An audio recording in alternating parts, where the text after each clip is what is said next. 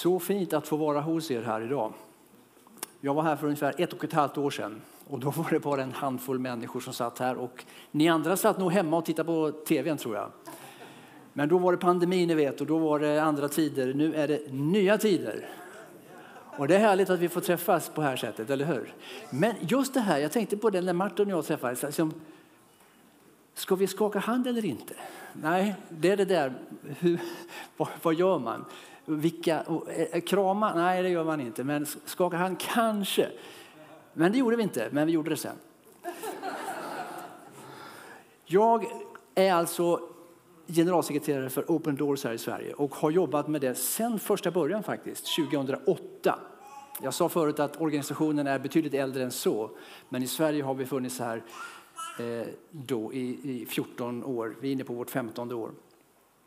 Eh, och det som är intressant för mig idag det är just temat som ni har de här tre söndagarna.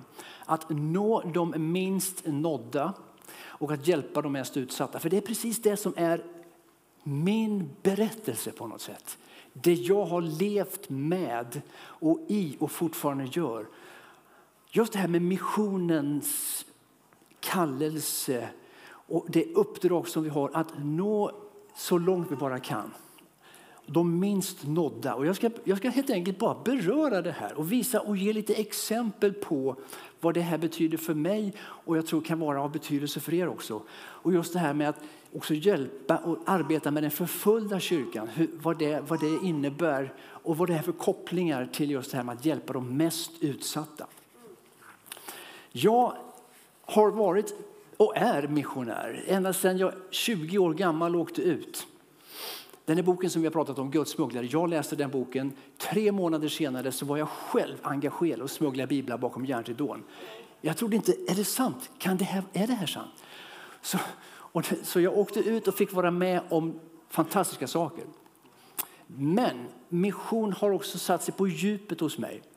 Eh, och jag vet inte hur nördig du är. Jag tog med mig eh, en av de senare Eh, publikationerna som heter Svensk mission. Det är 700 sidor, ganska ny, kom ut för ett år sedan. Som försöker att summera svensk mission som har pågått i, vet ni vad, 200 år. Och jag har hyllmeter med gamla biografier och berättelser vad, vad vi har gjort. Vad svenska missionärer har hållit på med under alla dessa decennier. Eh, den här mannen, jag har läst den här boken, jag har den hemma. Theodor Hamberg, den första svenska Kina-missionären. Jag ska inte berätta om hans liv, jag ska bara berätta som en illustration på de som har gått före oss. Ni som är yngre, ni kanske inte har koll på den, gamla, den här missionshistorien som vi har. Men Sverige har betytt massor för världsevangelisationen och för hur Guds rike har vuxit och fått fäste fått fäste och vuxit i land efter land efter land. Vi har, vi har arbetat i över hundra länder i, runt hela världen. Theodor Hamberg var den första som kom till Kina. Han hade ett, ett, ett, ett fruntimmer, man, man, beskriver det som så i de här gamla böckerna, som han ville skulle komma ut för han ville gifta sig. Så han, han kom ut 1847. 1847. Några år senare, 1851, kom Louise ut, Louise Motander. Och då fick han äntligen gifta sig. Han hade tjatat på det här missionssällskapet. Jag behöver en kvinna vid min sida. Så Louise kom ut. Tre dagar efter att hon anlände så gifte de sig. Hans kollega, han hette eh, Lechler. Hans kollega blev också intresserad av att få en, en, en, kvinna vid sin sida. Så han skrev och pratade med sitt missionssällskap och sa jag behöver en fru. Kan ni skicka en kvinna? Och det gjorde de. De skickade en kvinna som han aldrig hade träffat. Och hon kom ut eh, eh, 1854.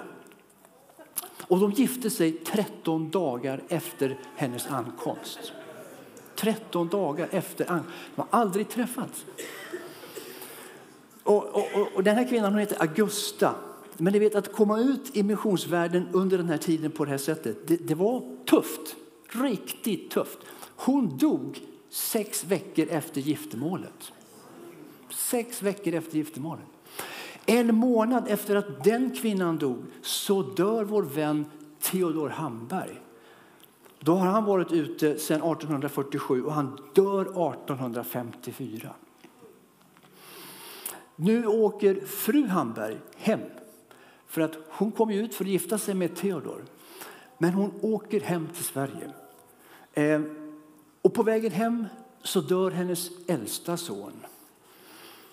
Eh, när hon kommer hem till Sverige eh, 1885, det är alltså hemresan här, då dör hennes yngste son.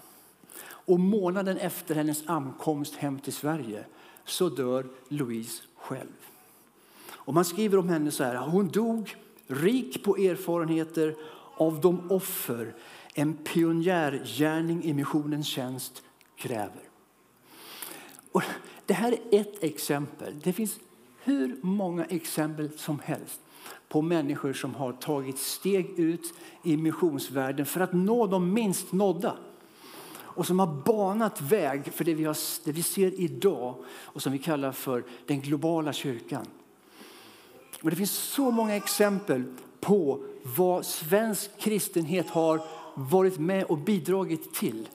Jag har med mig till exempel den här också, Svensk missionsatlas som eh, trycktes 1800, nej, 1957. Eh, på bilden här så ser ni också några gamla, jag har mängder med sådana gamla böcker som har summerat de olika samfundens insatser, vad vi gjorde, hur vi kom dit, vad som hände och vad följden blev av detta. Och sen de här personliga berättelserna om alla dessa missionärer. Den här boken säger att svensk mission har under 150 år skickat ut 12 000 missionärer. Det låter inte så mycket, men vet, många av de här de har alltså gett hela sitt liv i tjänst. Och svensk, har varit, svensk mission har varit pionjärmission.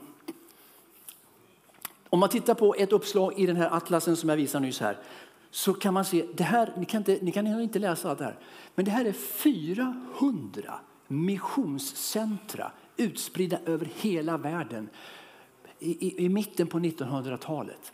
Det här var svensk mission för 60 år sedan, 60-70 år sedan. 400 missionsstationer, missionscentra där svensk kristenhet banade väg och bröt ny mark för Guds rike. Så här ser det ut om man tittar rent statistiskt på hur det här har sett ut när antalet svenska missionärer har varit ute. Och ni ser att det har varit en topp och vi dalar ner. Och nu idag så är det ännu färre missionärer som är ute. Ja, det är nya tider. Ja, det är betydligt svårare att komma ut och starta en missionsstation någonstans ute i Afrika, Asien eller vad det nu kan vara. Men uppdraget består. För ni vet, om vi tittar på statistiken om vad som händer i vår värld och hur det ser ut i vår värld så finns det ungefär 17 428 folkgrupper. De som håller på med missionsvetenskap de, de, de pratar ofta i folkgrupper. Och så pratar man om onådda folk. Och här pratar vi då om de minst nådda. Okej, hur är då de minst nådda? Det här det röda strecket ser ni. Det är fortfarande onådda folkgrupper i vår värld. Ni ser, det är över 7000 Eh, 400 folkgrupper där det än idag fortfarande inte finns något fungerande kristen gemenskap. Vad handlar det om i antal människor? Jo, det ser ni här att det, är också en stor del av världens befolkning. En stor del av världens befolkning är fortfarande onådd. Och vi pratar nu 2022. Och jag tänker ibland så här, de människor som har gått före oss och banat väg, de gav, med, gavs ut med livet som insats. Idag ser det väldigt annorlunda ut. Jag, min, mitt engagemang, och jag är fortfarande med i Philadelphia och Örebro som är en EFK-församling, det är 900 medlemmar, en av de, den, den församling som grundade hela Örebromissionen. missionen Eh, min fru jobbar fortfarande på EFK-kontoret. Vi var EFK-missionärer. Jag var ansvarig för EFKs arbete i östra Asien. Mycket pionjärarbete, många satsningar. Men det blir bara färre och färre och mindre och mindre. Och vi undrar, vart är vi på väg? Här ser vi alla de här grupperna. De röda prickarna är alltså onådda folk runt vår jord. Var finns de? Jo, här ser ni. Det finns statistik. Det, ni ser, ni ser eh, sajter här, Joshua Project. Gå dit och kolla. Ni kan få hur mycket information som helst. Vad är det vi ska be för? Vart, vart behövs det skickas folk? Var finns de minst nådda? Jo, vi vet var de finns. Vi vet, vi till, vet till och med var de finns i Sverige. Det finns i Sverige. Man behöver inte åka ut långt bort i världen. Även i Sverige så registrerar man onådda folkgrupper. Och ni kan se på den här bilden att vi har 21 stycken rödmarkerade grupper som alltså är rent, eh, man beskriver det som onådda. Det finns, inga, det finns ingen fungerande, det finns ingen kristen gemenskap. Här har vi listan på alla de här 21. Och var de finns det kan man titta sen på kartan. Det finns också, jag har inte tagit med alla bilderna förstås. Och tittar man bara på de topp 10 i Sverige. Nu pratar vi onådda folk i Sverige. Här har ni dem. Och ni ser hur många de är. Och man kan ungefär tänka sig var de finns. Så mission och att nå de minst nådda, det handlar om vårt land, det handlar om Europa, det handlar om världen och det handlar om tusentals folkgrupper som fortfarande inte har hört talas om Jesus Kristus för första gången. Min story, mitt engagemang var för det här landet som heter Laos. Jag var sekonderad tillsammans med min fru till OMF, Overseas Missionary Fellowship som är en av Asiens största missionsorganisationer. Hudson Taylor grundade den här organisationen. Och den här gruppen engagerar sig och jobbar för att nå de onådda folkgrupperna. Och vår, vår lilla grupp, ja, det var 150 missionärer, vi jobbade för att nå onådda folkgrupp ut med Mekongfloden som finns där borta i Asien. Och mitt specifika uppdrag det var Khmu-folket som är Laos största minoritetsfolk. 700 000 människor. Och jag kan bara säga så här. Det blev allt ifrån att vi hade ett litet projekt som innebar att vi gjorde en insats. Faktiskt med Sida-medel från Sverige så gjorde vi ett projekt där en dag ett helt gäng med laoiter gick ut i djungeln och döpte sig. Och kom tillbaka nästa dag och sa nu är vi som er. Nu har vi också döpt oss. Vi är också kristna. Och det var som en, vad har ni gjort? Har ni döpt er? Det blev som en chock. Det är klart att vi ville att de skulle göra det. Men den typen av arbete som, som vi bedrev innebar att man fick inte evangelisera bland de här människorna. Så det ledde till enorma problem, enorm förföljelse. Och det ledde till att vi var tvungna att engagera oss för att ge stöttning till de kristna i Laos. Och vi hade en, en och det, det, det, bara växte och det bara växte. Det gick inte att stoppa. Människor mötte Kristus. Det var som en väckelse som spred sig i norra Laos, södra Kina, in i Burma, bort i Vietnam, bland Khmu-folket. Det är en fantastisk erfarenhet att få komma hem med. Att ha sett det här first hand så att säga och få vara delaktig i vad Gud gör och hur Gud öppnar dörrar in i folkgrupper som aldrig hört talas om Kristus. Det som är intressant, som jag verkligen vill också få lämna med mig, jag tror ni har kanske sett det här, va? men när det handlar om islam så kan man ha en massa tankar kring vad är det som pågår där. Men man kan också se det så här att Gud verkar inom islam. Här ser ni en, en liten beskrivning, diagram över utvecklingen, århundradena ska jag säga, över islam. Från 600-talet till vänster här, ända bort till 2000-talet där vi befinner oss idag. De här staplarna indikerar väckelserörelser bland muslimska folk. Och då ser ni 100 år, 200, 300, hundratals år, det händer nästan ingenting. Nästan ingenting. Men nu i vår tid, i vår tid så är det ni ser, 72 stycken alltså väckelserörelser som pågår bland de muslimska folken. Ifrån Nordafrikas västra hörn där, till Asien, långt bort i Asien. I, utspritt överallt så händer det saker bland de muslimska folken så att man kan beteckna det som en väckelserörelse. Det händer i vår tid. Eh, och det är vad Gud gör och det bör vi uppmärksamma. Nå de minst nådda. Hjälp de mest utsatta. Open Doors arbetar med att pinpointa de, var finns de mest utsatta. Vi bedriver undersökningar som jag sa. Vi forskar på det här för att se var finns behoven och vad är det vi, vi behöver göra och vad är det vi kan göra. Vi börjar undersöka allt det här just för att bara ta reda på vad, vad, vad ska vi göra? Hur ska vi prioritera? Men det har blivit ett gigantiskt projekt som vi kallar för World Watch List där vi har ett system där vi graderar och ser och helt enkelt i slutändan kan gradera länder och säga att det här landet är det tuffaste av dem alla. Och varje år så lämnar vi ifrån oss en lista med 50 länder där det värsta landet är nummer ett och så fortsätter det neråt. Och som jag sa förut, den här, det här arbetet har uppmärksammats globalt. Eh, och vi är inne i parlament och vi är på FN-nivå och vi pratar om de här sakerna. Jag hinner inte, hinner inte gå in på systemet och hur allt det här fungerar. Du kan få med dig sen efter gudstjänsten så ligger det en, ett magasin här ute där allt det här finns med. Det kan du ta med dig. Men ni ser eh, den här kartan som beskriver då de röda och de orangea länderna. Det gula finns inte riktigt plats för längre därför att varje år så blir det värre och värre. Jag ska visa det alldeles strax.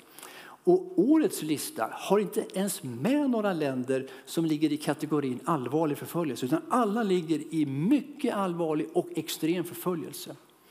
Och det beror på att om man sammanställer de här, Eh, de här 50 länderna och summerar poängen för alla de här 50 länderna så ser ni att från 2014 och fram till i år så blir det bara högre och högre totalsumma på det här.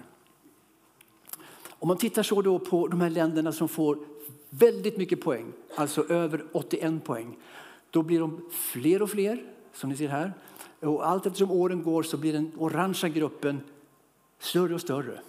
Och det är till och med så att de trycker ut de gula länderna. Vilket innebär att vi har i, i år eh, 76 länder som enligt vårt system får en poängsumma på 41 poäng eller mer. 76 länder i vår värld har allvarlig förföljelse. Och det är väldigt många länder. Eh, vad betyder det här om man tittar på hur det fördelas i vår värld?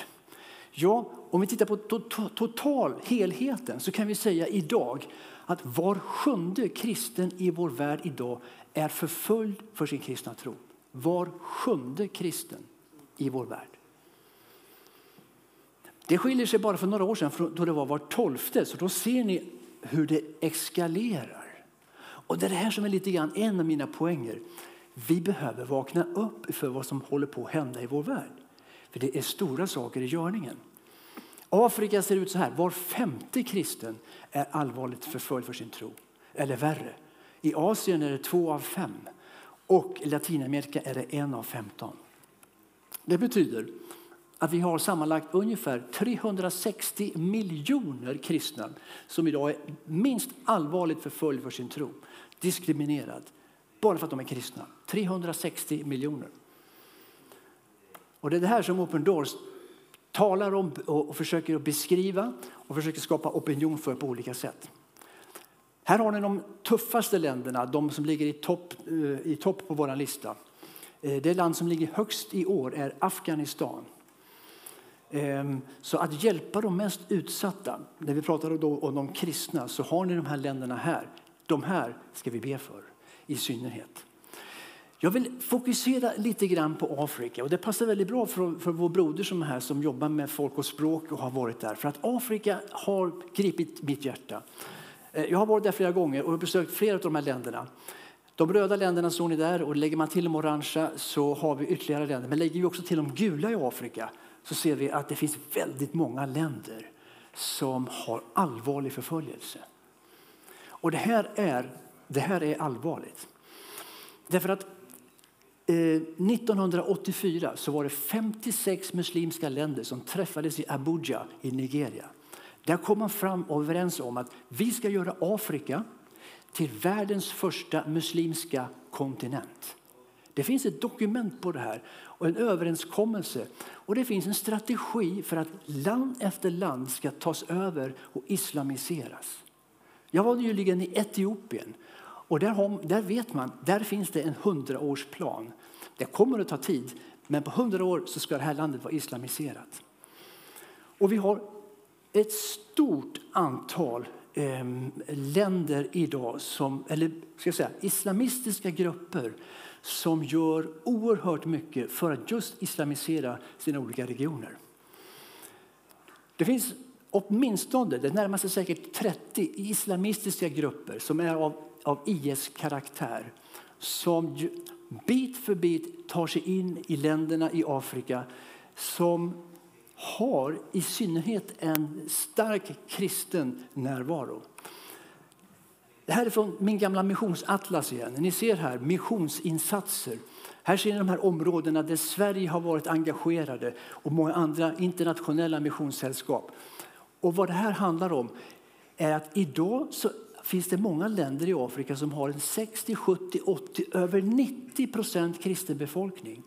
Men hur de här länderna idag är hotade av islamistiska krafter som vill förändra det i grunden och införa sharia-lagstiftning. Och jag har varit i byar i närheten av Somalia där byar har blivit attackerade inne i Kenya och hur al-Shabaab gör räder in, dödar alla männen, drar sig tillbaka och driver de kristna på flykt längre och längre in i landet.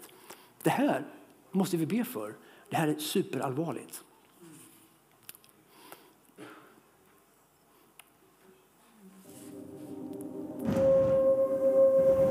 muna ji ana buga gate na iglesia har muna nan aka muna ga wuta yana tashi a gidaje a garuruwa gaba daya yaya mutane za su yi su sake samu zama da shike babu gida?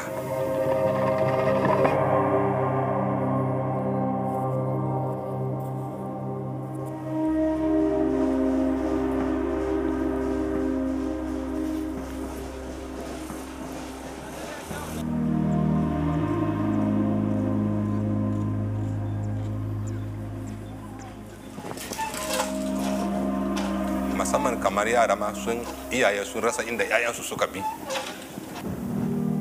To wancan tunani na yana gaya min cewa to yanzu ma babu cocin da za a sake samu a nan a sake ta ce ma za a taru domin a yi sujada saboda wannan tsanani. A gaskiya a cikin wancan lokaci addu'a na duka duka abin da nake wa membobi shine ubangiji ya ƙarfafa ban gaskiyansu. Haka din ya faru a abin da na iya yi da shike na taba na iya na ƙarfafa su da cewa to kowa ya yi haƙuri ku dawo mu gyara wurin zaman mu.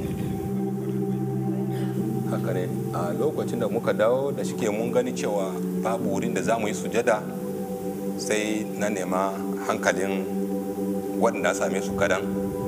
Kafin nan muka tara tsofaffin zingin da wuta ya ci muka yi wannan rumfa.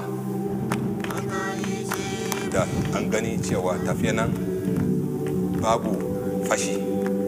Kuma an tabbatar cewa kristanci ne ana gaba da shi. So mutane ya sake iza mutane.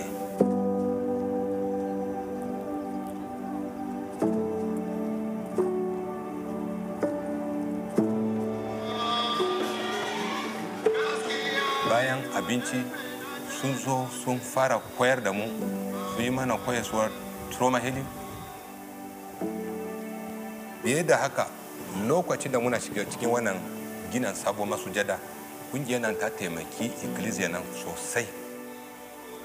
Ta farfado da ikkilisiyoyi da dama ta farfado da ruhaniyar mutane wanda kamar sun rasa begensu.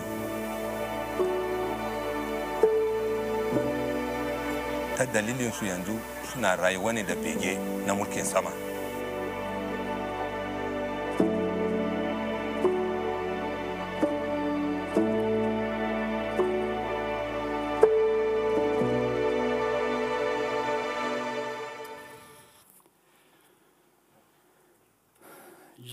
De de mest utsatta. Jag vill dyka ner också innan jag slutar i Mellanöstern. Ni har sett lite grann om Afrika, fått en känsla av vad som sker i Afrika och behovet av att stå med de kristna, stå med de utsatta i Afrika. Mellanöstern är ju ett ett, ett, ett område som vi har hört mycket om det senaste decenniet drygt. Eh, och eh, det har varit oerhört tufft. Det har varit en situation där kristna har utsatts för enorma övergrepp. Eh, och just nu så lever man i en, i en situation där, där man har oerhört svårt att veta vart man ska ta vägen. Vi fanns på plats redan innan kriget bröt ut. alltså IS ville ju fördriva de kristna och totalt förinta den kristna närvaron. Men det går ju liksom inte, för kristna har funnits där sedan begynnelsen. Sen, sen, kristna har funnits där i över 2000 år. Eh, om, om man bara säger som en sån sak som att Irak, eh, i början på 1900-talet så fanns det en tredjedel av Iraks befolkning var kristen. I början av 1900-talet, en tredjedel.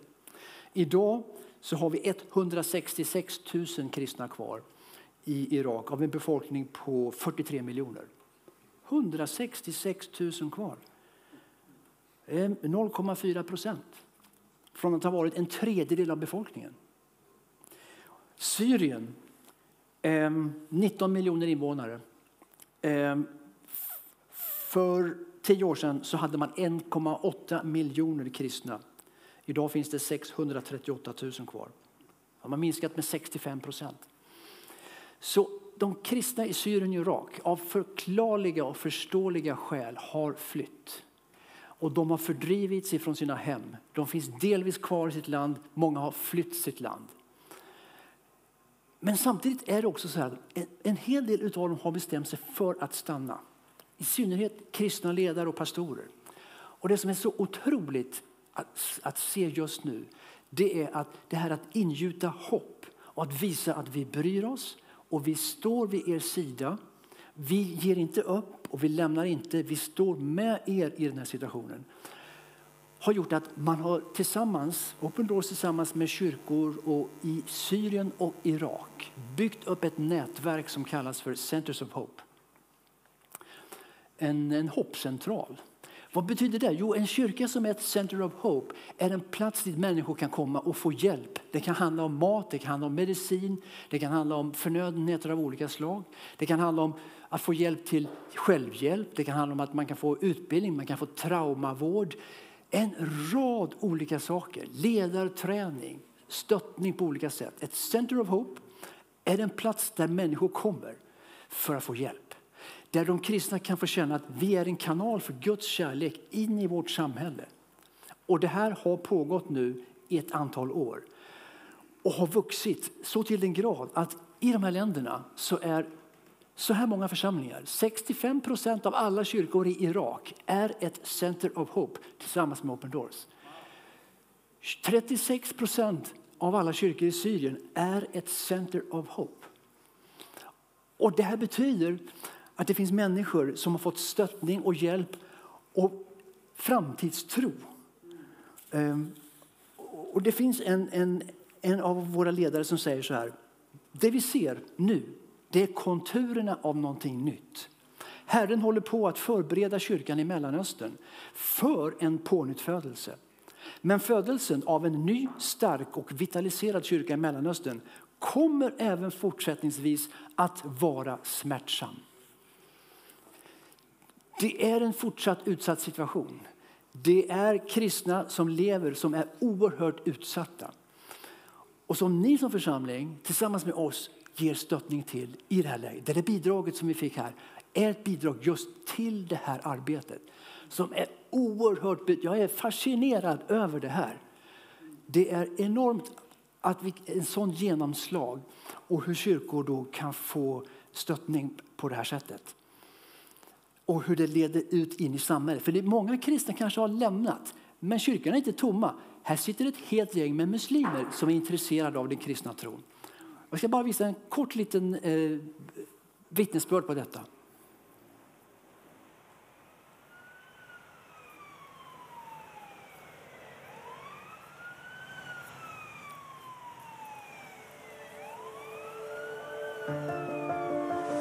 I'm Pastor Edward. Uh, we are in the church in Damascus. The clinic was established in 2006, started helping Iraqi refugees in particular. And when the war came in uh, Syria, the clinic proved to be very instrumental in helping people. Now we're here in Duela area where the, our clinic is located.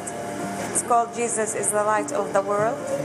We see like hundreds of uh, patients monthly. We have several clinics, OBGYNs, uh, dental clinic, uh, x-rays, uh, orthopedist, pediatrician. So we serve a good range of people who are really poor and um, looking for a clinic that can serve them with uh, love and show them the church is taking care of them. We don't distinguish between Christian or Muslim. We serve all the people who are in need. It gives them hope. It gives them a feel of um, being loved from somebody. This is what the church role here uh, is to extend the hands of Jesus to everybody who is in need. What might be surprising to many that although the war is over in the sense of explosions, but the situation is more devastating because the economy is collapsing completely. And for the first time we can see uh, people who used to be middle class like engineers are just waiting for the food parcels. And uh, the need is really growing by the day. The support of the church globally is uh, very vital. Uh, we experience something spiritually very valuable. Uh, we know that we are not left alone. We belong to a larger body of Christ that is really standing with us uh, all through the past years and still standing with us. And actually, those different ministries are enabling the church to reach out to the community uh, loving them and touching their uh, real needs. So we definitely uh, appreciate the support and prayers of the church globally.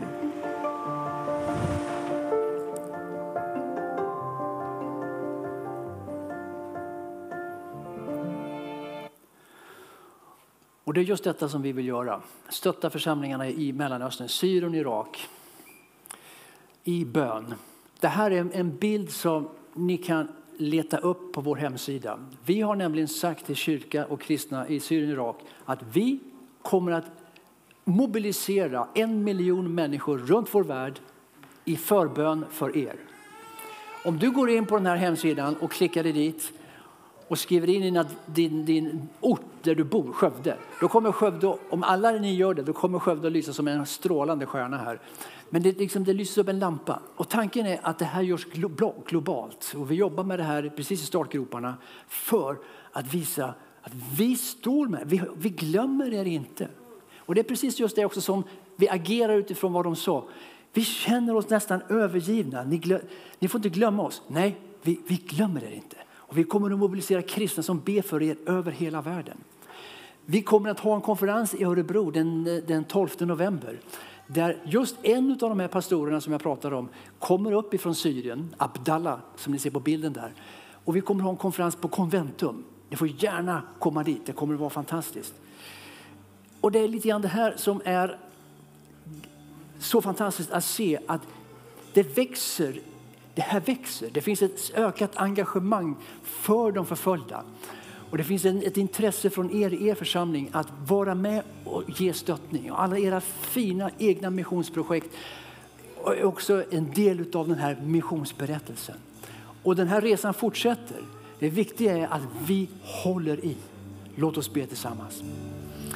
Jesus Kristus, vi tackar dig Herre för det du har gjort i missionshistorien, för den enorma spridning som har skett runt vår jord.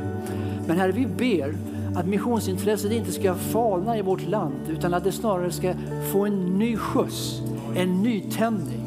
Vi ber för vår egen församling här i Skövde. Vi ber för kristenheten runt vårt land. Vi ber för ungdomar som undrar vad ska jag göra med mitt liv? Vad ska jag använda min tid till?